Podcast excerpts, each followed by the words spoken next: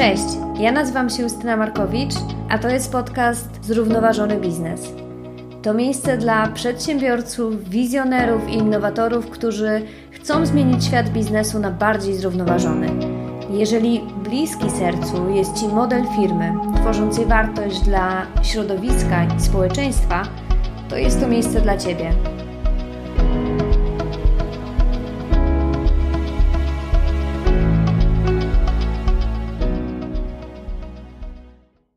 Cześć. Pytanie o cyrkularność to już dawno nie jest pytanie o to, czy warto, ale o to, jak to zrobić. E, w czternastym odcinku Agata Miryn-Sienkiewicz e, w świetny sposób wyjaśniła nam koncepcję gospodarki obiegu zamkniętego, jej podstawowe założenia i rozwiązania. E, wiemy już, że rozwiązania cyrkularne to znacznie więcej niż recykling. Wiemy, że model cyrkularny naśladuje naturę, której wszystko krąży, i model ten stoi w opozycji do linarnego modelu, czyli podejścia take, make, waste, weź, zrób i wyrzuć, które wynalazł człowiek yy, i które to podejście przy kurczących się aktualnie zasobach, wyzwaniach klimatycznych i rosnącej populacji mm, nie ma już racji bytu. W dzisiejszym odcinku mocno zanurzamy się w to, jak stworzyć przestrzeń dla innowacji, czy to w rozwiniętym już biznesie, czy też w startupie. Yy, czy wejście w cyrkularność musi wiązać się zawsze z kosztami? jakie narzędzia i modele biznesowe oferuje koncepcja ekonomii cyrkularnej, na czym warto się skupić, wdrażając innowacje cyrkularne w produkcie, usłudze, tworząc cyrkularną e, strategię, czy też rozwijając e, swoją markę. I w końcu, jak można podejść do tematu zarządzania wiedzą w firmie przy tak ogromnym temacie, jakim jest e, GOS? I ze mną dzisiaj e, to wszystko wyjaśnia e, super duet e, z Ergo Design, czyli polskiego cyrkularnego studia projektowego. Katarzyna Śliwa, CEO Ergo Design, strateżka innowacji i designu, inicjatorka tego całego zamieszania e, w Ergo Design, czyli cyrkularnej zmiany e, w podejściu do e, projektowania, promotorka dążenia do zrównoważonego rozwoju i projektowania dla przyszłości. Oraz Krzysztof Bogomas. Krzysiek jest headem działu rozwoju strategii w Ergo Design, działu, w którym cyrkularne strategie i myślenie o możliwych przyszłościach stanowią źródło innowacji i rozwoju. Krzysiek w 2018 roku obronił tytuł doktora w obszarze design management, szczególnym uwzględnieniem metodyki, procesu i narzędzi usprawniających wykorzystanie e, designu w biznesie. Ostrzegam, e, odcinek jest nabity wiedzą, e, i warto być przygotowaną, przygotowanym do tego. Zapraszam Was serdecznie. Cześć Wam! Bardzo dziękuję Wam za przyjęcie zaproszenia do podcastu. Cześć. Cześć Justyno, dzięki za zaproszenie. Tak, ja bardzo czekałam na ten odcinek, szczerze mówiąc, e, bo jesteście jednym z nielicznych miejsc. E, mówicie o sobie, że jesteście studiem cyrkularnym. E, też nagrywacie podcast. Circular by Ergo Design. No i w Waszej działalności jest dużo innowacji, dużo gospodarki obiegu zamkniętego, więc to jest idealny temat, żeby go wziąć dzisiaj pod lupę i żeby porozmawiać o innowacjach cyrkularnych. I chciałabym zacząć e, tą naszą rozmowę od takiego dość szerokiego pytania, bo tak jak myślałam o tym pytaniu, no to on ma wiele warstw. Generalnie chciałabym Was zapytać o o to, jak stworzyć e, odpowiednie warunki w firmie dla rozwoju cyrkularnych innowacji bo zastanawiam się, czy tak, czy warto e, tworzyć w ogóle mały projekt i punktowo się tym e, zabrać firmie e, i tak jakby równolegle do tego, co się robi w biznesie na co dzień, czy też to musi się zmienić cała tożsamość firmy i całe podejście, żeby w ogóle myśleć o sobie w kontekście cyrkularności. E, no i też zastanawiam się, czy te stworzenie warunków w firmie musi się wiązać z kosztami, E, czy to jest jakaś inwestycja i na to tak trzeba spojrzeć jako, e, jako ktoś, kto zarządza. No i w końcu, czy macie jakieś takie propozycje kroków, jakie warto podjąć na początku, właśnie w tworzeniu tego, e, tej, tej takiej odpowiedniej przestrzeni na, na, na tę cyrkularność w firmie? Dzięki za to pytanie. To jest takie pytanie świetne na rozpoczęcie i świetne na zakończenie tak naprawdę dzisiejszego odcinka. Dużo wątków w nim, więc ja może zacznę odpowiadać. Myślę, że tutaj Krzysztof też będzie miał coś do powiedzenia. Ja bym chciała właśnie, bo wspomniałaś, że my jesteśmy cyrkularnym studiem projektowym, to prawda. Natomiast my jesteśmy tym studiem cyrkularnym od jakichś około trzech lat. Natomiast jako studio działamy już od blisko 30. Oczywiście nie w tym składzie. Tak, zespół się zmieniał, tutaj generacje już projektantów działają pod szyldem Ergo Design. Natomiast mówię o tym dlatego, że no my też zaczynaliśmy i jak miałabym tutaj zacząć odpowiadać na pytanie, jak zacząć i jak firmy powinny zaczynać, to chciałabym ten nasz kazus tutaj pokazać. Bo my też zaczynaliśmy w którymś momencie. E, trzy lata temu to jest mniej więcej e, no, 7 lat po tym, jak e, w ogóle podejście cyrkularne i no, to całe spektrum zjawisk, które składają się na ekonomię cyrkularną, czy też gospodarkę o obiegu zamkniętym, zaczęło się upowszechniać. Więc 7 lat po tym, jak, jak tak naprawdę no, szeroko rozumiany biznes i wszyscy interesariusze ekonomii cyrkularnej mogli o tym usłyszeć. I my zaczęliśmy oczywiście od własnej edukacji. E, no i teraz jest już nasze zrozumienie, e, czym jest ekonomia cyrkularna, do czego zmierza, jakie daje szanse, e, jakie rozwiązuje problemy, jest bardzo, bardzo głęboka. I to jest jakby trzy lata nauki, zdobywania wiedzy, ale też takich crash testów na różnych projektach i wewnętrznych, też takich crash testów z z klientami. Więc to, co teraz powiem, to jest taka już jakby przemyślenie z tych trzech lat. I e, pierwsza rzecz, y, która jest ważna, mm, to właśnie dojrzałość, świadomość y, tej osoby, która z danej organizacji przychodzi.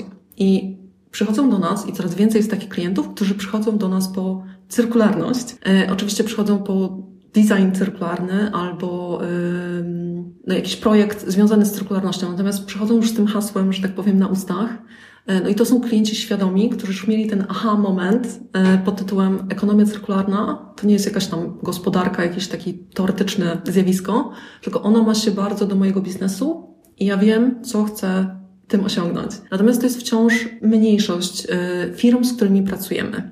Natomiast coraz, coraz więcej i widzimy, że bardzo się rozpędza ten trend. Pierwszego klienta w ogóle, no właśnie, który przyszedł do nas po rozwiązanie cyrkularne, Mieliśmy zaraz po tym, jak zrobiliśmy taki nasz własny coming out, z tym, że chcemy projektować cyrkularnie.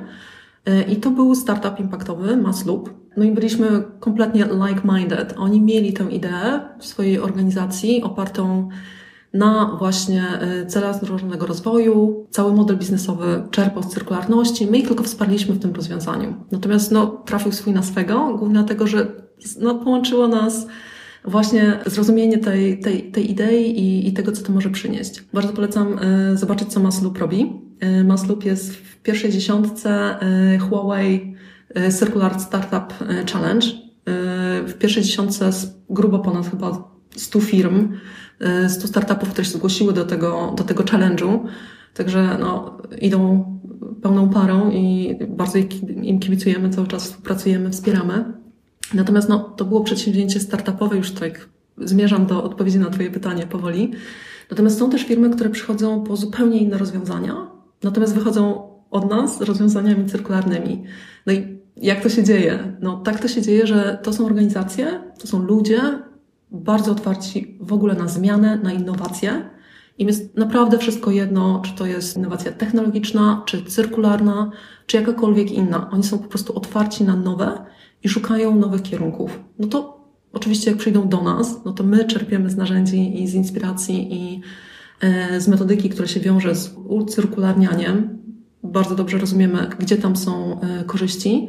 No i w związku z tym jakby zaszczepiamy im e, tę ideę. No nie tak backdoorem, że im instalujemy jakieś oprogramowanie cyrkularne. Nie, no po prostu w trakcie procesu, w trakcie projektu rozwiązania cyrkularne po prostu tam się znajdują, oni świetnie rozumieją, jak to działa. Natomiast czy całościowo, czy punktowo, takie było clue chyba Twojego pytania, my zaczynaliśmy od myślenia ekonomią cyrkularną. W tej chwili myślimy produktem cyrkularnym, modelem biznesowym, innowacją cyrkularną, czyli czymś dużo mniejszym, dużo bliższym firmom, w ogóle firmom biznesowi jako takiemu, bo ekonomia to jest no, bardzo szerokie, ogromne pojęcie.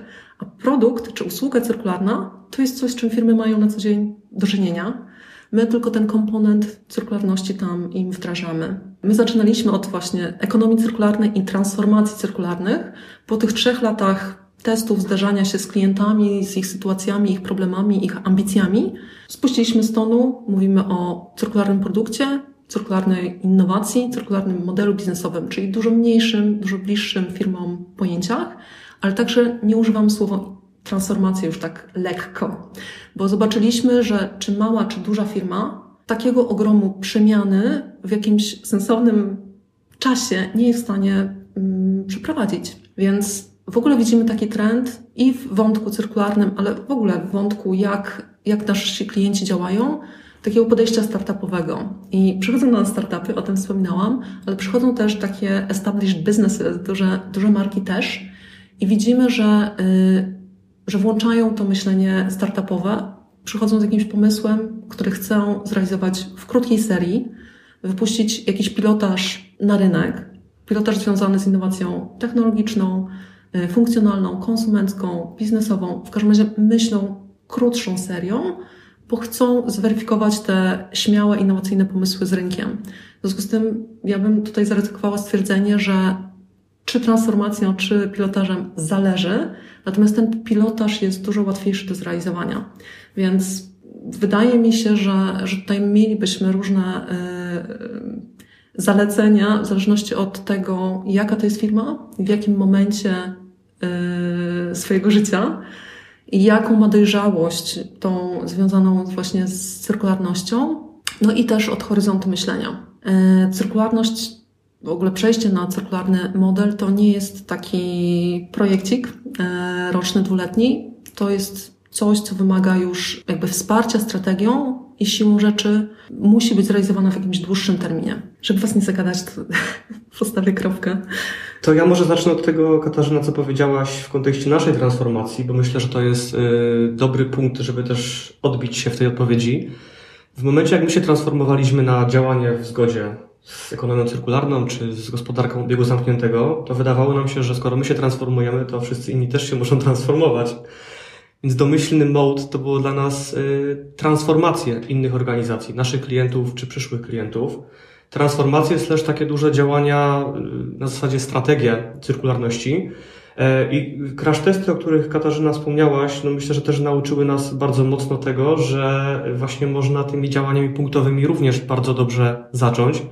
Nie we wszystkich okazało się, że jesteśmy mm, kluczowym graczem. Myślę, że takie działania edukacyjne szybko się okazało, że rynek Y, z różnych stron nasi klienci, potencjalni klienci edukują się. E, tej wiedzy jest, jest, jest bardzo dużo już na ten moment. E, I, I okazało się, że dużo większą pomoc możemy wnieść w przekładaniu tej wiedzy na hipotezy rozwiązań, na rozwiązania, na pomysły, e, na, na usprawnienia, czy to w, w ramach obecnych produktów, czy nowych produktów, czy, czy, czy usług, mhm. ale też w kontekście samego modelu biznesowego. Więc tak reasumując, to, to rzecz w tym, że możemy działać transformacyjnie, możemy działać dużymi, dużymi działaniami, e, ale myślę, że po pierwsze nie dla wszystkich to jest i nie, nie w każdym momencie, e, a możemy zaczynać małymi działaniami, gdzie, gdzie po prostu rozpoczynamy no, tą, tą transformację drobnymi działaniami, tak? Niektóre organizacje być może same podejmą wątek takiej autotransformacji, a niektóre będą potrzebować tej pomocy z zewnątrz.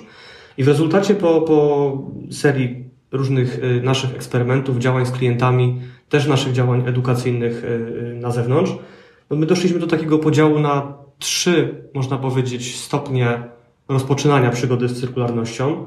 I pierwszym jest, jest skanowanie otoczenia. To jest, to jest działanie, gdzie mm, organizacja niewielkimi, niewielkimi działaniami, niewielką inwestycją może się rozejrzeć, co dookoła niej się dzieje, co dzieje się w jej branży, E, e, lokalnie czy też globalnie, po prostu zobaczyć, jakie dobre praktyki, dobre, dobre rozwiązania, jacy już pionierzy się pojawili w kontekście cyrkularności e, w otoczeniu tego biznesu.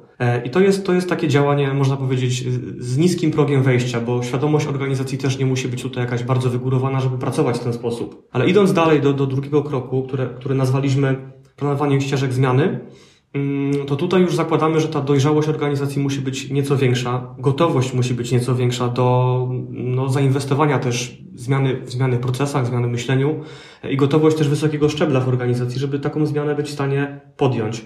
Więc to jest już działanie y, nieco bardziej skomplikowane, ale jeszcze nie jest takim działaniem, można powiedzieć, mocno ingerującym w strategię. Ono zakłada, że możemy uruchomić jakiś projekt pilotażowy, jakąś usługę dodatkową do naszego obecnego e, biznesu, tak żeby zacząć działać bardziej w zgodzie z zasadami ekonomii cyrkularnej, a nie w pełni. Tutaj postawię taką małą gwiazdkę, bo mamy też świadomość tego i też to często powtarzamy. Na ten moment myślę, że żadna firma nie jest w stanie działać w pełni cyrkularnie, dlatego że cyrkularność jest działaniem systemowym, które wymaga tego, żeby była dostępna infrastruktura chociażby dookoła naszego biznesu, umożliwiająca przetwórstwo, y, wszelkiego rodzaju usługi logistyczne, taki z jak najmniejszym generowaniem śladu węglowego system y, krążenia tych produktów wokół użytkownika, wokół, wokół biznesu. Więc tutaj, tutaj y, mm, w pełni cyrkularność myślę, że możemy, to zależy oczywiście od branży, od biznesu, osiągnąć pewnie dopiero w jakichś horyzontach dalszych czasowych. Więc na tym drugim etapie zakładamy, że jest to, jest to działanie pilotażowe, działanie takie, które pozwala E, też uczyć się w drodze, uczyć się w trakcie tej, tej, tej, tej wewnętrznej zmiany, tego w jaki sposób znaleźć swoje miejsce w cyrkularności. Tych miejsc e, jest dużo, myślę, że o nich jeszcze pewnie wspomnimy e, dzisiaj. I przechodząc do tego, chciałem powiedzieć, największego działania, to nie chodzi o jakby samą skalę, skalę działania, ale najbardziej wymagającego, zakładającego, że ambicja organizacji dotycząca tego, że działamy w pełni zgodzie z zasadami ekonomii cyrkularnej, jesteśmy na to gotowi, mamy na to ochotę, jesteśmy, jesteśmy też e, przygotowani na to, że mogą się pojawić różnego rodzaju e, błędy, porażki, problemy w drodze. E, to jest działanie, które nazwaliśmy mm, budowaniem, tworzeniem uwspólnionej wizji cyrkularności. Jest to działanie, gdzie nie wyobrażamy sobie, żeby tutaj już najwyższy management w organizacji nie był zaangażowany w to działanie, dlatego że można oczywiście budować tu nową strategię cyrkularności, ale widzimy, że dużo bardziej taką bezpieczną i, i chyba bardziej powszechną praktyką będzie, nie wiem jak to określić do końca, suplementowanie, uzupełnianie, mm, rozwijanie, rozbudowywanie z obecnej strategii o te wątki, wątki związane z, z ekonomią cyrkularną e, i, i, i działanie w zgodzie z nią. E, jest to działanie o tyle, o tyle mm, rozbudowane, że tak naprawdę no ten, te, te wyższe szczeble w organizacji w momencie, jak się zaangażują w ten proces, uwierzą w niego, to można dopiero mówić o tym, żeby, żeby y, pochłonęło to całą skalę działania organizacji. Może to podam na jakimś prostym przykładzie, żeby to nie brzmiało tak, tak górnolotnie i, i ideowo. Chodzi o to, że jeśli dla przykładu dział badań i rozwoju wymyśli wspaniały produkt cyrkularny, który jest modułowy, który jest z materiałów pochodzących z recyklingu, nadający się do recyklingu i tak dalej, i tak dalej, spełnia wszystkie cechy cyrkularności, ale nie ma zgody w całej organizacji na to, żeby uruchomić przykładowo usługi y, tak zwanego take-back management, czyli tego, jak produkt wraca z rynku do nas czy do naszych partnerów, to ta cyrkularność tak naprawdę umiera na etapie badań i rozwoju. Bo ten produkt, mimo że jest modułowy, nigdy jego modułowość nie zostanie wykorzystana y, w, w obiegu zamkniętym. Stąd zakładamy, że to, to, ta, ta skala działania już na poziomie uwspólniania tej wizji dotyczącej cyrkularności wymaga zaangażowania różnych e, obszarów organizacji, przez co jest to działanie bardziej rozbudowane i bardziej no, czasu i kosztochłonne dla organizacji. Mhm. A co powiedzielibyście o tych kosztach? Czy one muszą być, czy, czy niekoniecznie? Czy ja wychodzę z założenia, że y, jakby cyrkularność jest procesem y, zmian, które wy, pociągają za sobą pewne inwestycje. Mhm. Ale czy my jesteśmy w procesie inwestycyjnym dotyczącym cyrkularności czy czegokolwiek innego, to jest kwestia inwestowania w jakieś nowe przewagi kompetencyjne, jakieś kluczowe inicjatywy w firmie. No i koszt od innowacji to jest taki banał, ale różni się tym, że no, z innowacji oczekuje się zwrotu. My działamy z cyrkularnością bardzo mocno nastawieni na, yy, na biznesowe KPI, -e, Jednym z nich jest oczywiście y, sprzedaż, zysk. I w związku z tym jakby no, myślimy o tym jako każdym innym y, procesie inwestycyjnym y, w firmach. I jeszcze jedna rzecz tutaj jest ciekawa, że wprowadzenie takiego, takiej nowej wartości do firmy faktycznie wyma- znaczy powoduje duże zmiany, ale no bardzo pozytywne, bo w tej chwili no nie da się prowadzić biznesu bez szkoleń i angażowania pracowników Wprowadzanie takiej nowej wartości w firmie jest okazją do tego i świetnie motywuje. My to widzieliśmy u każdego naszego klienta. Zmotywowani są właśnie top management, ale zespoły y, w tych dużych organizacjach, tak obserwowaliśmy, jeszcze bardziej, więc to jest naprawdę pozytywna zmiana. No nie wiem, wchodzenie w jakieś procesy rozwoju nowego produktu czy usługi, ok, one mogą być oparte o jakieś mocne insighty rynkowe, takie design thinkingowe, uzasadnienie no, potencjału rynkowego, ale cyrkularność jest na, naprawdę, to, jest, to są przełomowe modele mm, biznesowe. Mo, to, jakby te podejścia mogą prowadzić w tych e, firmach do no, bardzo wysokiego poziomu innowacji. Więc jeżeli każde przedsięwzięcie no, ma swoje koszty, które staramy się, żeby były inwestycjami, ale ma też swoje ryzyka, to to, że cyrkularność jest dużą nowością na rynku, bardzo buduje przewagi konkurencyjne, jest narzędziem do docierania do nowych rynków, do nowych użytkowników. I jeszcze jednej rzeczy, bo no, w tej chwili jest to takie, to, to jest zapożyczone, y, że tak powiem, stwierdzenie, ale bardzo się z nim utożsamiam. Y, w tej chwili jest łatwiej stworzyć strategię na za 10 lat niż na przyszły rok. Głównie dlatego, że jak ją osadzimy na jakiejś takiej wartości, y, która naszą organizację będzie ciągnęła przez te 10 lat, ciągnęła jej rozwój, to to się w dużej mierze może udać. I zarządzając tym odpowiednio, dojdziemy do jakiejś nowej wartości naszego biznesu. Firma na pewno się rozwinie, sprawnie zarządzając e, tymi etapami dążenia. Natomiast no, widzimy, co się dzieje, tak? Jeżeli nie pandemia, to jakieś zawirowania, polityczne, gospodarcze. No, żyjemy w czasach bardzo dużych zakłóceń geopolitycznych, ekonomicznych. W związku z tym takie mocne osadzenie naszych przewag konkurencyjnych w czymś takim krótkoterminowym jest bardzo, bardzo niebezpieczne. Ekonomia cyrkularna jest długodystansowa i ekonomia cyrkularna y, zmusza całe, całą organizację do y, wyskalowania tych innowacji do, dosyć wysoko. To Trzeba by było y, już na przykładach rozmawiać, ale jakby ten wysiłek y, powoduje wiele korzyści na bardzo różnych polach. Zaangażowanie pracowników, to o tym wspominaliśmy. Wzmocnienie misji, misyjności przedsiębiorstwa, o tym rozmawialiśmy, to działa, to działa naprawdę na wszystkich. I, I też patrzymy na to, że y, właściciele firm i, i zarządy, które przychodzą do nas z tym tematem, akurat z tym, to są osoby, które no chcą mieć po prostu dobre firmy, fajne firmy, chcą się utożsamić ze swoją misją. No wiadomo, że, że oni są nastawieni na, na zysk, ale czemu by nie? Natomiast no, chcą tę firmę układać po swojemu i albo są to tak nowe zarządy, które chcą właśnie wyjść z jakąś nową, przełomową strategią, taką w zgodzie ze sobą, albo sukcesorzy e, firm, którzy też przychodzą z nową energią, to jest też znowuż inne pokolenie, w związku z tym, jakby tutaj jest dużo pozytywów takich dla całej organizacji. Ja może bym na to pytanie z drugiej strony powiedział, bo Katarzyna powiedziałaś o, o inwestycji, o, o tym, że faktycznie ta inwestycja y, zawsze wiąże się z kosztami i to, to pełna zgoda.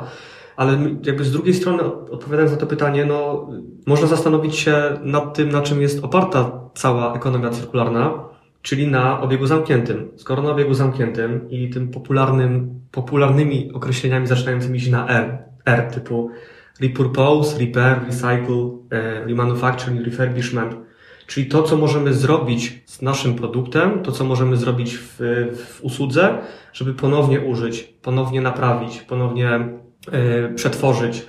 Zastanawiamy się w takim razie, tak już projektowego punktu widzenia, czy przy produkcie, przy usłudze lub na poziomie modelu biznesowego, w jaki sposób możemy oszczędzić, w jaki sposób możemy ponownie wykorzystać wartość, yy, która już została wpuszczona w, w, obieg. Na tym paradygmacie generalnie, no, wychodząc od idei yy, cradle to cradle przez yy, właśnie samą już ekonomię cyrkularną, to myślę, że bardzo fajny grunt Agata nam zrobiła w poprzednim, w poprzednim Twoim podcaście.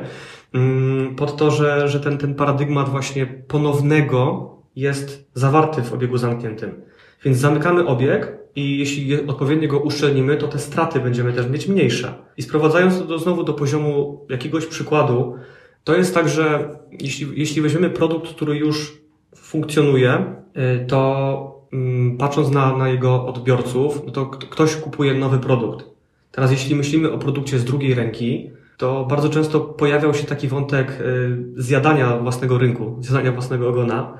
No w tym przypadku tak naprawdę, tak jak Katarzyna tutaj wspomniała, jest to potencjał do tego, żeby myśleć o nowej grupie odbiorców. Czyli ja w obecnym modelu biznesowym otwieram nowy segment dla osób, które kupią produkt ode mnie, być może z gwarancją, być może po jakiejś e, odświeżeniu, po naprawie albo w ogóle zupełnym takim prze, prze, przerobieniu od nowa, e, będzie pozwalał nowej grupie odbiorców korzystać z mojego ekosystemu rozwiązań. Więc tak naprawdę daje to pewną też okazję do zdywersyfikowania tej grupy odbiorców, no ale tak jak już za zacząłem mówić e, w trakcie, daje ogromne pole do tego, żeby poszukiwać oszczędności, poszukiwać, redukować strukturę kosztów w naszym modelu biznesowym, czyli czego mogę ponownie użyć, co mogę, e, co mogę z, na poziomie części produktów, komponentów produktów, materiałów, czy, czy jeszcze innych e, elementów wykorzystać ponownie, żeby nie ponosić tego kosztu od zera. I widzimy też, e, widzimy też taką, takie wzmożone zainteresowanie tego typu wątkami, wynikające no, oczywiście spowodowane, spowodowane pandemią,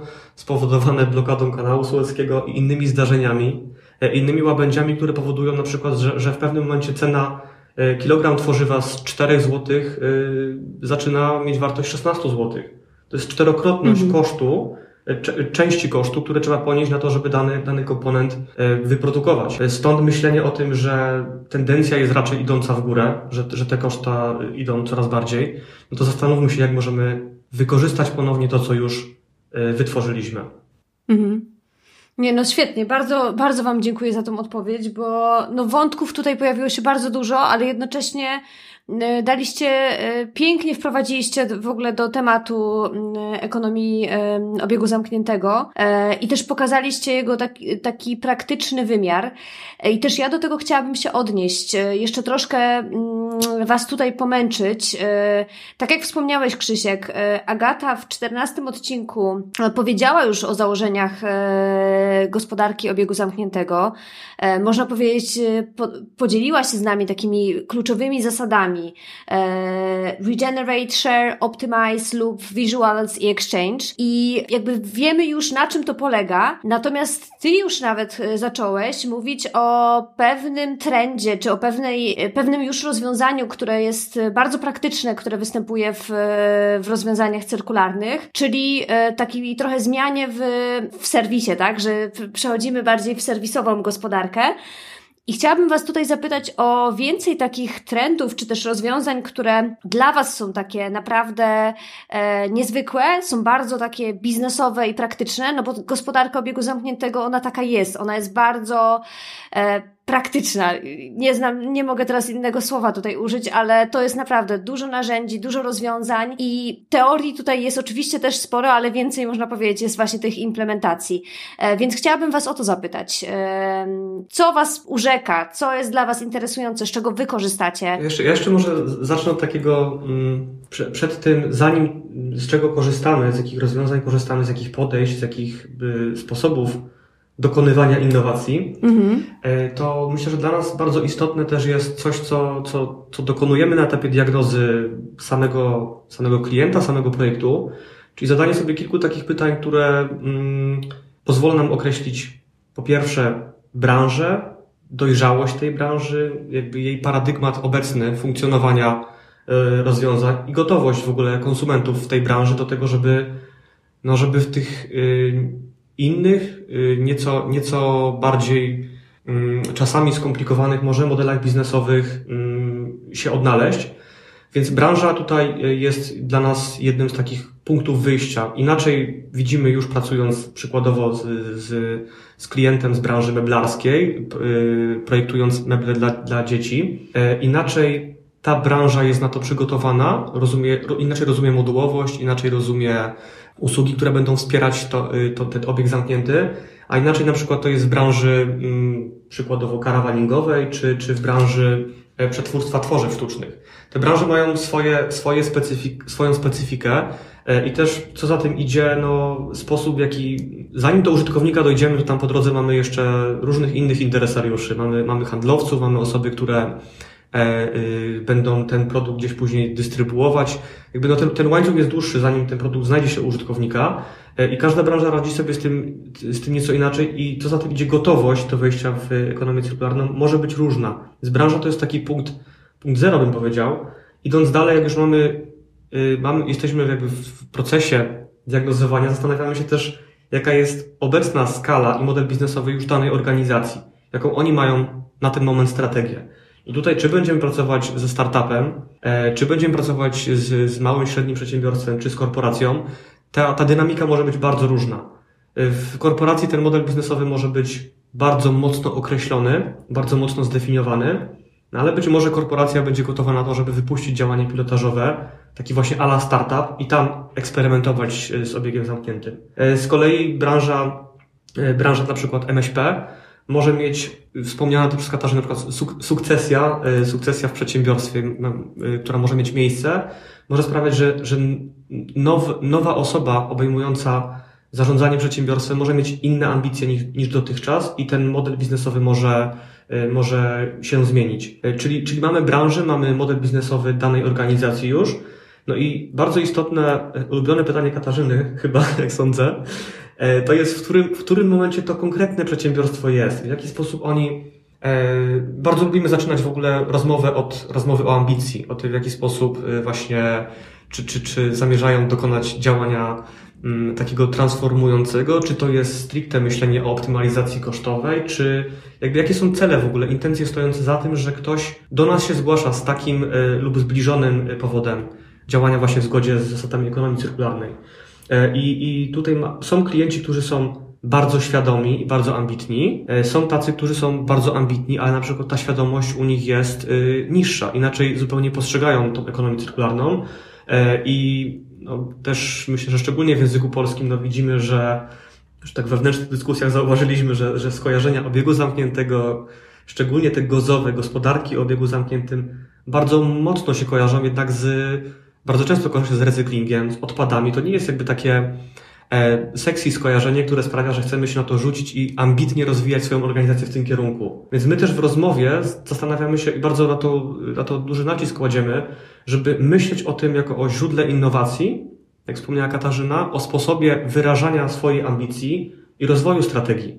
A, a nie tylko y, właśnie o, o domykaniu obiegu, no bo samo domknięcie obiegu nie jest, nie jest celem samym sobie. Ono może służyć do czegoś, do jakiegoś dalszego, bardziej ambitnego celu.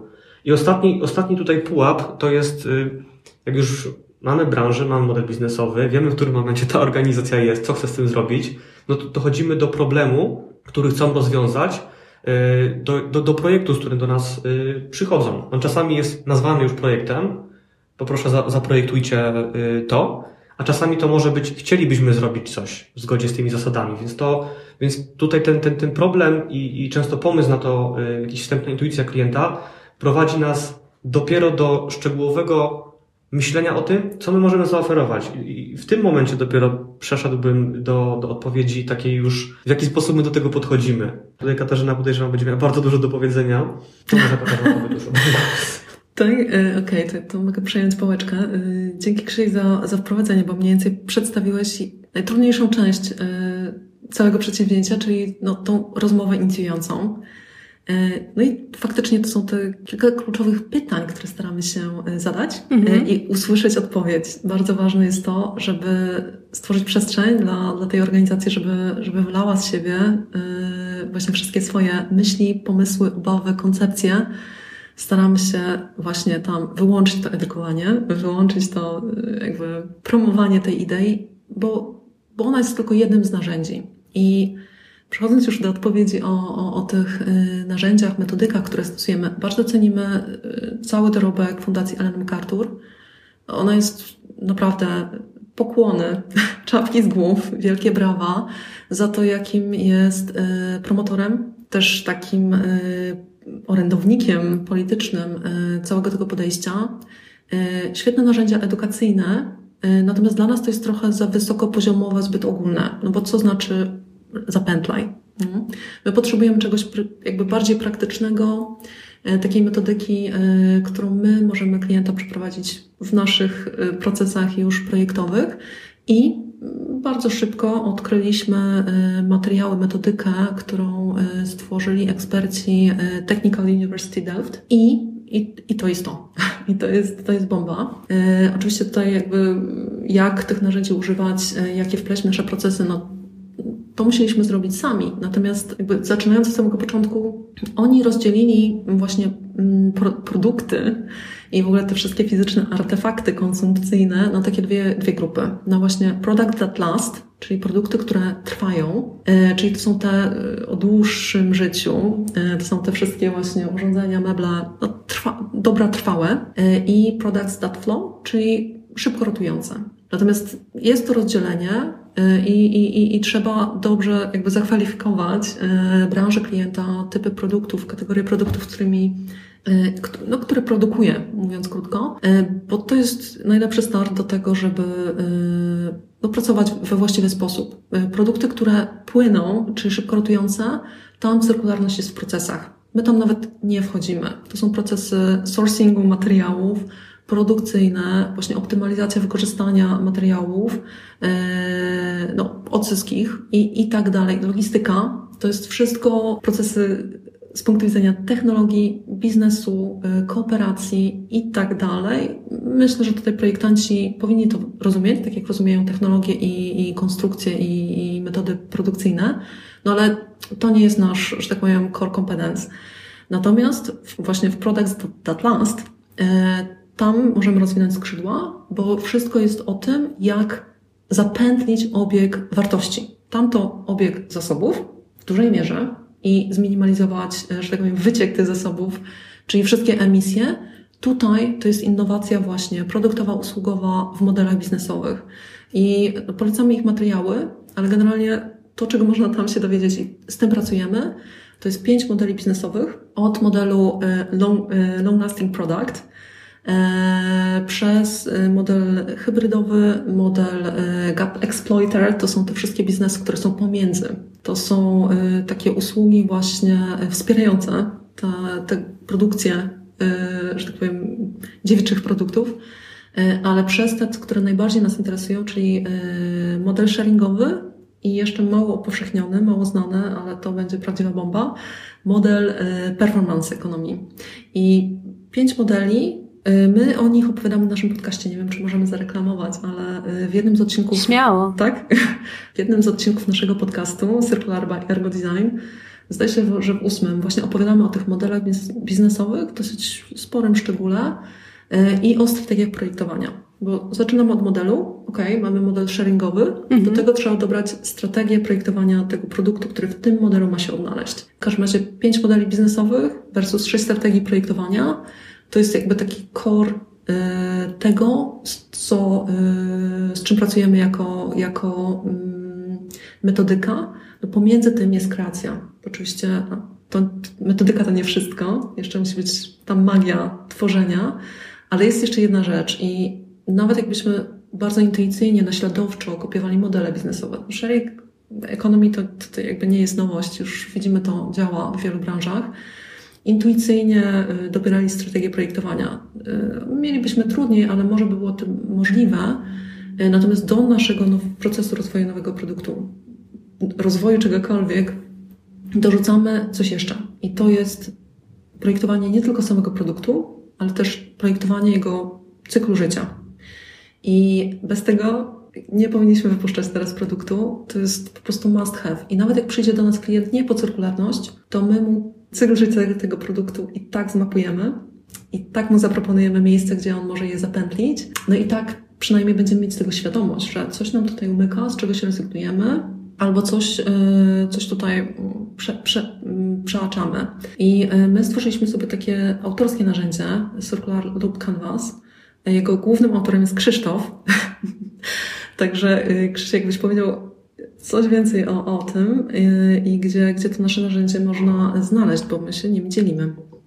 Y, tak, to jak chodzi o to, gdzie, gdzie można je znaleźć, to myślę, że możemy podlinkować y, w podcaście, jeśli Justyna zgodzisz się na to. Tak, jasne. Zawsze to robimy. Bo bardzo chcielibyśmy też upowszechnić generalnie mm, myślenie, którego wydaje nam się, że, że brakuje w kontekście samej cyrkularności pracując z różnymi rozwiązaniami, e, z różnymi innymi metodami, które są już dostępne w kontekście ekonomii cyrkularnej, zauważyliśmy taką jedną zasadniczą rzecz, bo bardzo dużo mówi się o samym e, life cycle, czyli całym cyklu życia produktu. Od e, momentu jego mm, w ogóle zaczęcia myślenia o tym, o tym produkcie, po właśnie cały sourcing, produkowanie, dystrybucję, sprzedaż i tak dalej, i tak dalej, aż to dojdzie nam do użytkownika. I Później, po właśnie cyklu użytkowym, y, wracamy z powrotem do różnych procesów, które w ekonomii cyrkularnej są opisane, typu właśnie naprawa, typu y, odświeżanie, czyli refurbishment, mm, ponowne jego wyprodukowanie czy, czy, czy regeneracja, też różnie to jest określane, czyli remanufacturing i dopiero na końcu mamy recycling. I to, czego nam mocno, mocno brakowało, to przy no właśnie projektowaniu, myśleniu o cyklu życia produktu, bardzo brakuje tej perspektywy użytkownika, którego sprawczość w kontekście ekonomii cyrkularnej jest ogromna. Bo jeśli my nie umożliwimy użytkownikami, użytkownikom, e, czy to usługami, czy to opisami, instrukcjami, czy wszelkimi innymi elementami wokół produktu lub przy produkcie, na produkcie, no to generalnie on może nie wrócić w taki sposób, e, jakbyśmy chcieli do obiegu. Więc jest to, jest to bardzo trudne i też widzimy, yy, czytamy o tym i słyszeliśmy wielokrotnie, że wiele różnych marek globalnych ma trudności z odzyskiwaniem e, tych produktów, czyli domykanie obiegu zaczyna się bardzo intensywnie dziać w momencie tak zwanego take-back e, managementu, czyli gdy użytkownik stwierdza, że to jest ten moment, żeby się rozstać z produktem, niezależnie od tego, czy to jest, w jakim to jest modelu biznesowym, no to może być ta trudność, żeby, żeby, to, y, żeby to wróciło w odpowiedni sposób do, do obiegu. I teraz wracając do, do, do, do tej metody, którą opracowaliśmy, czyli do Circular Loop Canvas, y, zależało nam na tym, żeby postawić użytkownika i produkt w centrum, czyli on jest, można powiedzieć, tym y, punktem rozliczenia dla nas cyrkularności, tym punktem, który bardzo pozwala nam w, w taki łatwy sposób unaocznić, czy, czy rozwiązanie będzie dla niego e, klarowne, czy te, te, te, te cyrkularne ruchy będą dla niego możliwe. Jaki jest, no właśnie tu słowo, słowo klucz, jaki ekosystem wokół tego produktu jest. Co Katarzyna zaznaczyła w kontekście projektowania cyklu życia produktu. W cyklu życia produktu możemy myśleć o produkcie, ale widzimy, że jakby już dawno model myślenia o samym produkcie się wyczerpał. Doszły usługi, dochodzi ekosystem produktów różnych, które ze sobą się łączą E, są, są między sobą kompatybilne. I teraz e, no, raczej powinniśmy myśleć o projektowaniu ekosystemu niż o projektowaniu pojedynczego, wyrwanego z kontekstu produktu. E, I teraz to, to, to, co, to, co właśnie zrobiliśmy, no to połączyliśmy, skompilowaliśmy to myślenie o użytkowniku w centrum, czyli tak zwany use cycle, czyli cykl użytkowy, z cyklem życia całego produktu. I dopiero to nam daje taką bardziej klarowną odpowiedź, w jaki sposób to życie produktu się zaczyna, w jaki cykl lub w jakie cykle użytkowe, tu jest ważna liczba mnoga, w jakie cykle użytkowe może wejść i jak może je przechodzić i jak kończy się ten cykl życia produktu. Chodzi o to, że dany że, że jeśli podejdziemy do tego w taki klasyczny sposób e, projektowania, projektowania cyklu życia produktu, no to on ma swój początek i koniec. Nam zależy jednak, żeby ten początek z końcem bardzo wyraźnie się łączył i żeby możliwe było przejście jak największej ilości cykli użytkowych. No model taki sharingowy jest o tyle prosty, ale też może być skomplikowany, że tych cykli użytkowych jest ogromna ilość. Mm. Jeśli weźmiemy tutaj rower miejski na przykład w modelu sharingowym, no to on przechodzi setki, tysiące cykli użytkowych, zanim jego, yy, jego żywot się skończy. Więc musimy zastanawiać się o tym, w jaki sposób zapewnić szybką, być może samodzielną przez użytkownika naprawę, modyfikację, w jaki sposób zredukować ilość potencjalnych błędów użytkowych, potencjalnych y, uszkodzeń tego produktu, żeby nie trzeba było nim od razu wracać, gdzieś go odsyłać, przewozić, tylko żeby był jak najbliżej użytkownika. I tu myślę, że można jeszcze wspomnieć o tym, o tym, co też w tym schemacie staramy się y, zwizualizować. To jest to, że czym dalej, zgodnie z zasadą Waltera Stachela, która mówi o tym, że czym dalej w tych procesach się oddalamy właśnie od użytkownika, czyli yy, czy, czy, czy, większy musimy wysiłek energetyczny, kosztowy i ślad węglowy ponieść, yy, żeby, żeby yy, dokonać jakby, to, yy, żeby utrzymać w cyklu ten produkt. Na przykładzie, jeśli mamy ten wspomniany rower miejski, no to dużo prostsza będzie samodzielna naprawa przez użytkownika, jeśli będzie możliwa. Bardziej już myślę, że taka koszto energochłonna może być naprawa przez serwisantów. Jeszcze dalej idąc od, odświeżenie, no to wymaga już tego, żeby gdzieś zawieść ten rower e, dalej i dokonać pewnych, pewnych właśnie odświeżeń. Na sam remanufacturing, czyli powrót do produkcji, no to to jest proces ten, e, ten jeszcze bardziej odległy i, i może być no właśnie bardziej generujący większy ślad węglowy. I dopiero na końcu, zgodnie z tą zasadą Waltera Stachela, dopiero na końcu mamy recykling. Recykling jest opcją ostateczną. Spotykamy się z takim, nie wiem czy to można nazwać mitem, ale z takim podejściem, że mm, wielu producentów globalnie, e, w Polsce również, że zacznijmy robić produkty, które będą wykorzystywały materiały pochodzące z recyklingu, albo sprawmy, że będzie się nadawał do recyklingu ten produkt i robota jest zrobiona. No nie, to jest opcja ostateczna. Opcja ostateczna i myślę, że tu można by jeszcze odnieść to do bardzo ciekawego przykładu w zasadzie filozofii marki Witso, e, produktów zaprojektowanych, regałów modułowych zaprojektowanych przez Dietera Ramsa, czyli ikona designu, gdzie, gdzie filozofia Witso mówi o tym właśnie, że recykling to jest ostatnia opcja, po którą sięgają, gdy wszystkie inne się już wyczerpią.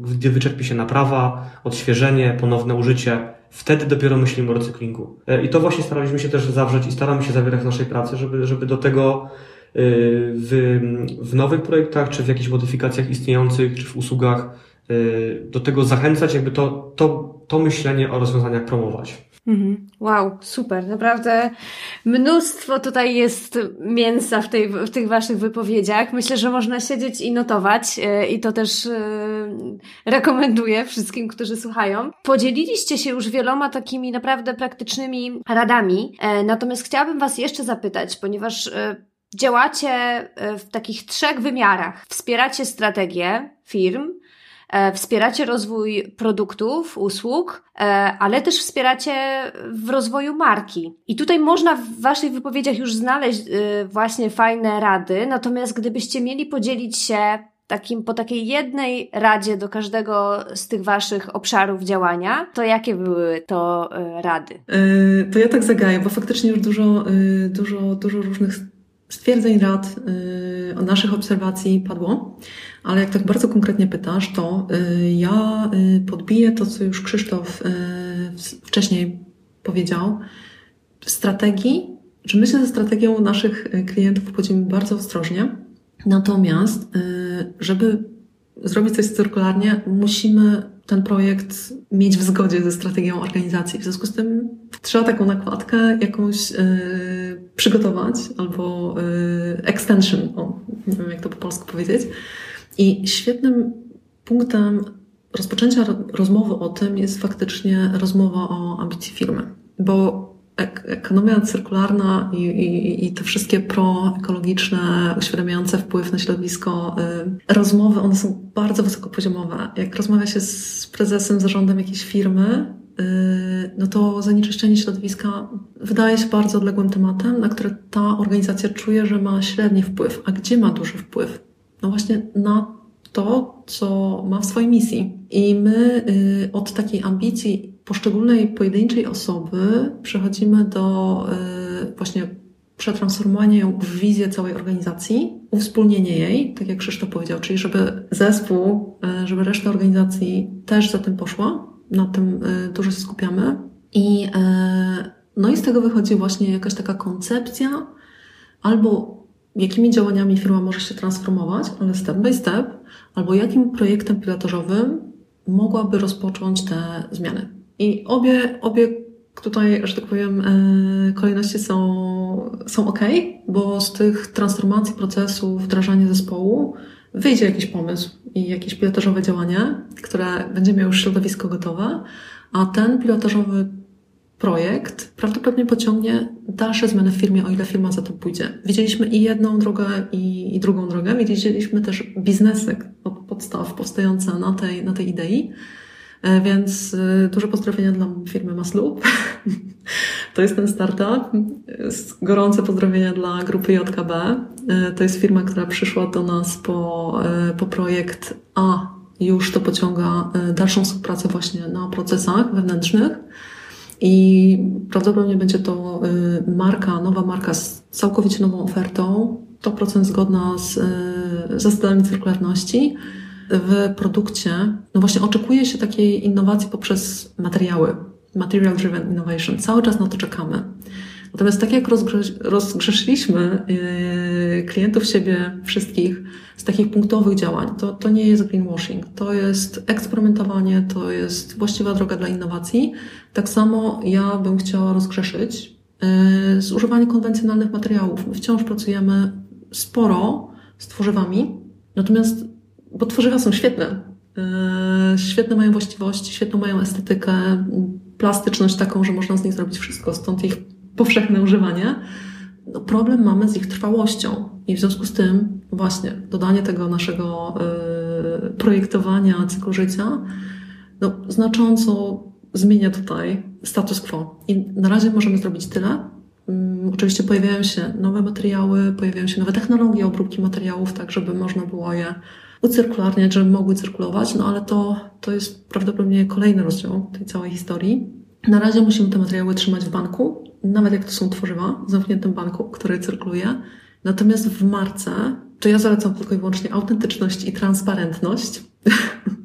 marka jest, marka ma być nośnikiem, marka ma być mm, sposobem komunikacji tych wszystkich innowacji, tych no, nowych wartości, które, które firma tworzy do konsumentów. No i tutaj też taką hasłowo myśl miałabym, że y, wszystkie firmy, które chcą być markami pierwszego wyboru, y, teraz i w przyszłości, Wszystkie firmy, które chciały być liderem jakiegoś rynku, jakiejś branży, jakiejś kategorii produktów, no sorry, ale musicie wziąć się za cyrkularność, bo cyrkularność to jest wasze narzędzie, to jest interfejs dla was, atrakcyjnej oferty, takiej odpornej na przyszłość i, i wymagania konsumenta przyszłości.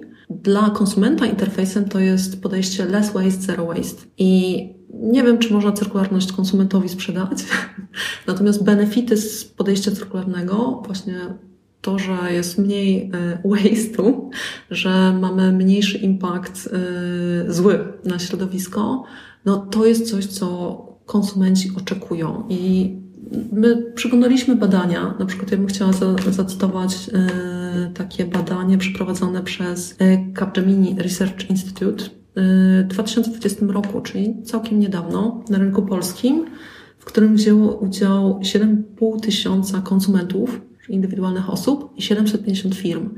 I wynika z tego, że 79% dokładnie tutaj, że prawie 80% respondentów powiedziało, że albo już zmieniło swoje preferencje zakupowe na bardziej zielone, albo jest gotowa to zrobić. Mhm. Więc jak tylko się dotrze do nich z komunikatą, z ofertą, to oni bardzo chętnie. Tylko 11% powiedziało, że nie interesuje to ich, no ale to yy, ludzie uczą się od siebie, więc te proporcje się zmieniają. 10% że ma świadomość wagi swoich decyzji zakupowych, ale nie zamierza ich zmienić. Także no, to jest 80% y, versus 20%. Y, I wiadomo, że to są y, tacy bardziej nowocześni konsumenci. Siłą rzeczy to prawdopodobnie są konsumenci tych nowych pokoleń, Generation Z, Millennials, Millennials to chyba my. I faktycznie jakby 30% y, tej najmłodszej generacji to są y, osoby, które no bardzo y, swoje, swoją konsumpcję uzależniają od tego, czy ten produkt, czy ta usługa uwzględnia czynniki środowiskowe i, i, i czy jest taki komunikat, czy nie. Mało tego, oni zmieniają te swoje decyzje bardzo szybko. No można jakby zaobserwować, co się dzieje w kontekście y, no, tej wojny wschodniej, na wschodzie y, i wycofanie się marek globalnych stamtąd. Jakby, czy one są obecne na rynkach y, Rosji, wpływa na konsumpcję, no, na pewno w Polsce, tego najmłodszego pokolenia, więc to są naprawdę silne argumenty. Jeżeli czyjaś branża, czyjś produkt adresuje młode pokolenia, stamtąd czerpie tę siłę nabywczą, nie można, nie, nie można nic z tym nie zrobić. Mhm, dokładnie. To, co powiedziałaś, jest ważne. To też Krzysiek nawiązał do tego bardzo y, sprawczego, mhm. sprawczej roli konsumenta, którego no, trzeba wziąć pod uwagę i, i wiedzieć też, że my jako konsumenci się cały czas edukujemy w tym temacie. E, I, I to się będzie na pewno zmieniać na bardziej rygorystyczne, bardziej większe oczekiwanie, mm, większej transparentności od marek e, w przyszłości. Tu myślę, że Katarzyna, do, po, po, ty już to powtórzyłaś, ten wątek transparentności i on faktycznie jest, jest, jest bardzo istotny i od e, już dłuższego czasu się pojawia w kontekście no, greenwashingu marek i, i takiego um, świadomości konsumenta, który jest w stanie to prześwietlić. Ale bardzo ciekawy wątek, który nam się pojawił przy okazji jednego z projektów, to jest to, że no, uczestnicy, yy, użytkownicy, klienci poza samą transparentnością oczekują też proaktywności. Mamy, mamy takie wrażenie, taką bym tutaj postawił yy, śmiałą tezę, że no być może w, w Polsce po prostu boimy się mówić o, o tak proaktywnie o swoich działaniach, o swoich planach, o swoich ambicjach w zakresie w zakresie wejścia w tą ekonomię cyrkularną i przez to być może nasi konsumenci w ogóle nie dowiedzą się o tym, że, że, że my w to zmierzamy. Jest to działanie też takie, które e, pod kątem proaktywności e, no, pozwoli nam wyznaczyć też, wysłać komunikat, sygnał i do wnętrza organizacji, i na zewnątrz organizacji, że to jest nasza świadoma decyzja, że w to idziemy.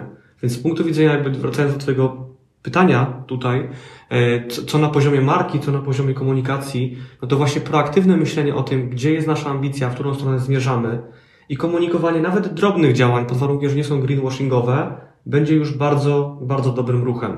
Z punktu widzenia y, użytkowników, to tak naprawdę no, no widzimy, że sama cyrkularność być może nie będzie tym komunikatem, ale prawo do naprawy, możliwość naprawy, dostęp do części zamiennej, usługi, które pozwolą mi przedłużyć życie mojego produktu, skoro w niego zainwestowałem, jak najbardziej to są argumenty, które docierają i będą docierać do konsumentów, bo wiążą się właśnie czy to z oszczędnością, czy to z mniejszą emisyjnością, czy właśnie wspomnianą, wspomnianą przez Katarzynę y, less waste i zero waste. Totalnie. Słuchajcie, to y, chciałabym zadać przedostatnie pytanie, y, mimo że mamy czas już, y, jesteśmy już, już długo rozmawiamy. Natomiast to, co wspomnieliście na samym początku, że ta droga firmy zaczyna się, ta przygoda z cyrkularnością zaczyna się najpierw od takiego skanowania otoczenia, później od takiego planowania zmiany, y, aż po tą wizję cyrkularności, czyli to jakiś tam plan, tak? E, I w tym drugim etapie bardzo ważne jest e, przy tym planowaniu ścieżek, żeby w ogóle zgłębić się w ten temat, wejść w temat, e, jakby dowiedzieć się jak najwięcej, bo to jest ogrom, tak jak rozmawiamy, wiedzy, praktycznych działań, które można realizować jak zarządzić tą wiedzą w firmie? Jakie macie rady? Jak wy do tego podeszliście? Bo też y, kilka lat temu mieliście ten etap, y, że wchodziliście w, w cyrkularność. Jak byście tutaj y, poradzili naszym y, słuchaczkom i słuchaczom y, zająć się właśnie tym tematem świadomości? Takiego wewnętrznego awarenessu, mm -hmm, tak? Tak. Czy no tak jak się zastanawialiśmy nad tym właśnie, jak, w jaki sposób my, co czas się zastanawiamy nad tym, jak możemy tutaj być lepsi, wiedzieć więcej i robić to w sposób bardziej taki odpowiedzialny, świadomy. E, no, wychodzimy z założenia, że najwięcej możemy się nauczyć ucząc i to, i to praktykujemy. Tutaj myślę, że nasze, nasze podcasty, nasze webinary, nasze, nasze działania też, no, y, część z nas uczy na, na, na uczelniach, część z nas szkoli. E, też współpracując z EY Academy of Business czy z Krakowskim Parkiem Technologicznym podejmujemy takie, takie działania, które pozwalają, e, pozwalają nam no właśnie uczyć się ucząc, mieć taką motywację, żeby być na bieżąco, żeby być w stanie te informacje przekazywać również aktualne i, i, i bieżące. E, I, I tutaj myślę, że mm, w jaki sposób y, same źródła to Katarzyna wspomniała, jakby Fundacja Ellen MacArthur, która no dalej absolutnie trzyma poziom TU Delft to jest druga taka organizacja, gdzie, gdzie też e, no, bardzo wspaniałe kursy, wspaniałe materiały edukacyjne, które pozwalają też tutaj się, się edukować. Ja mogę powiedzieć od kuchni, że my wewnętrznie na potrzeby właśnie tworzenia różnych, e, tworzenia różnych szkoleń, warsztatów, webinarów, e, tworzyliśmy od początku taką wewnętrzną bazę. Różnie ją nazywaliśmy, to byli, czasem to byli pionierzy cyrkularności, czasami to były dobre praktyki cyrkularne, Różnie to, to, to, to, to jakby było nazywane, ale chodziło o to, że wizualizowaliśmy sobie dodając zdjęcia, cytaty, przykłady w bazie. My to robimy w narzędziu Miro, które jest takim naszym, można powiedzieć, standardem, jak chodzi o no w ogóle pracę. Mhm. Taką twórczą jakby no, kokreację. Więc, więc gromadziliśmy od początku te, te zbiory i staraliśmy się też tak budować wspólne rozumienie w organizacji. Co często jest no, trudne, myślę, że dla wielu organizacji, żeby tą, to, ten, ten przepływ, y, przepływ informacji, komunikacji i nowości zapewnić w samym, w samym wnętrzu. No my też z tego powodu tutaj no już dawno, nie wiem dokładnie kiedy to było, czy to było dokładnie 3 lata temu, czy, czy może, może trochę bliżej teraz, y, też wprowadziliśmy regularne takie spotkania piątkowe, na których po prostu z zespołem rozmawiamy o tym, pracujemy, dzielimy się tymi praktykami i, i staramy się, żeby ten po prostu nasz cyrkularny krwiobieg mm -hmm. wewnętrzny był mm -hmm, odpowiednio mm -hmm. odżywiony. Super. Katarzyna, chcesz coś dodać? Ja właśnie się zastanawiam, czy, czy, do, czy dodawać. Ja bym tylko dodała y, y, ten sam, sam początek, bo y, no my jako studio projektowe, firma projektowa, projektanci, no, jesteśmy niejako taką firmą, która no, napędza konsumpcję. I mieliśmy z tym problem od dawna na różnych odcinkach. To był taki trochę też temat tabu, trochę wypływający. Więc kombinowaliśmy z różnymi podejściami, jak tutaj bardziej eko, jak e, zmniejszyć ten negatywny impact, jak tutaj wyjść z tworzyw. I to było takie mm, kopanie się z koniem. E, nie wiem, jakieś takie eko-projektowanie, to w ogóle, w ogóle nie to. I w pewnym momencie po prostu wpadliśmy na to, że jest coś takiego jak ekonomia cyrkularna. Y, zdawało się, że hmm, to jest coś dużego, to jest coś takiego y, kompleksowego, holistycznego, duża ciekawość. Y, I zanim w ogóle weszliśmy w to jako firmę, to no, ja się bardzo tym za, zainteresowałam, natomiast no, w parze tutaj z paroma osobami, w dużej mierze z naszą projektantką Pauliną Morawą, przekopał, tak, bardzo pozdrawiamy Cię, Paulino. E, Paulina przekopała absolutnie wszystkie możliwe informacje, wszystkie źródła, wszystkie raporty, naprawdę. Ale to my, my mamy takie podejście. Natomiast w wąskim gronie na tyle zbadaliśmy to, to podejście, że doszliśmy do wniosku, to jest dla mhm. nas. Widzimy, na których odcinkach mamy sprawczość, mhm. widzimy, z jakimi narzędziami pracować, idziemy w to. I wtedy Wbudowaliśmy to zespołowo y, w naszą misję. Jak to zaczęło być częścią naszej misji, padło takie y, gremialne na, na forum hasło mhm. idziemy w to, y, to się wtedy zaangażowaliśmy jako całe, cała firma, całe, cały zespół. Ten proces pozwolił wyłonić liderów tej zmiany, agentów zmiany. Mhm. Paulina jeszcze raz pozdrawiamy. E, tam było więcej osób zaangażowanych, natomiast no, to, to, to, jaką pracę tutaj wykonała Paulina, która e, no, na tym początku to powiedziałam, że bardzo dużo wykonała pracy takiej e, związanej ze, z poznaniem, z dokumentowaniem, znalezieniem narzędzi. Facylitowała cały nasz, nasz proces, też jest hostem podcastów. Mm. No, szapoba. Natomiast właśnie, wyłoniła się ta grupa i później weszliśmy w to jako cały zespół, na zasadzie właśnie, to Krzysiek już wspomniał, takich rytuałów. Najpierw mieliśmy mieć taki wielki program szkoleniowy, ale zaoraliśmy to, bo to by było takie... Przygniatające. Tak, i mało aktywujące. I zrobiliśmy po prostu przestrzeń do tego, żeby o tym rozmawiać. I z tygodnia na tydzień to, znaczy jakie wątki poruszamy, w jaki sposób ewoluowało, E, to była taka przestrzeń, że raz moglibyśmy e, tylko porozmawiać i każdy przynosił jakieś nowości, jakieś ciekawe rzeczy, ciekawe materiały. Czasem robiliśmy warsztaty, takie symulacje, jakby to mogło zadziałać w różnych problemach, jakie mamy, znaczy problemach, wyzwaniach projektowych, albo case'ach klientów, albo starych już zakończonych projektach. E, no, była taka przestrzeń właśnie uczenia się, mm, eksperymentowania i synchronizacji takiej zespołowej. Y, ważne rzeczy to mhm. sami się nauczyliśmy, zanim zaczęliśmy z tym pracować u klientów. To po prostu przetestowaliśmy, zbudowaliśmy sobie pewien taki wewnętrzny know-how, y, ale też taka integracja zespołu wokół tego. To się stało po prostu naszą, naszą wartością zespołową. No i potem, tak jak Krzysztof powiedział, z tego mm, etapu sam uczenia się weszliśmy w etap profesjonalizacji, E, I tam już e, pracowaliśmy właśnie nad własnymi narzędziami, nad bazami danych, e, własnymi opracowaniami, raportami i no to już robiło takie ciaśniejsze grono z podziałami na role. Kto inny w wątkach strategicznych, kto inny w, w produktowych. No ale byliśmy już po prostu skromnym zespołem. z podziałem na rolę. Mhm.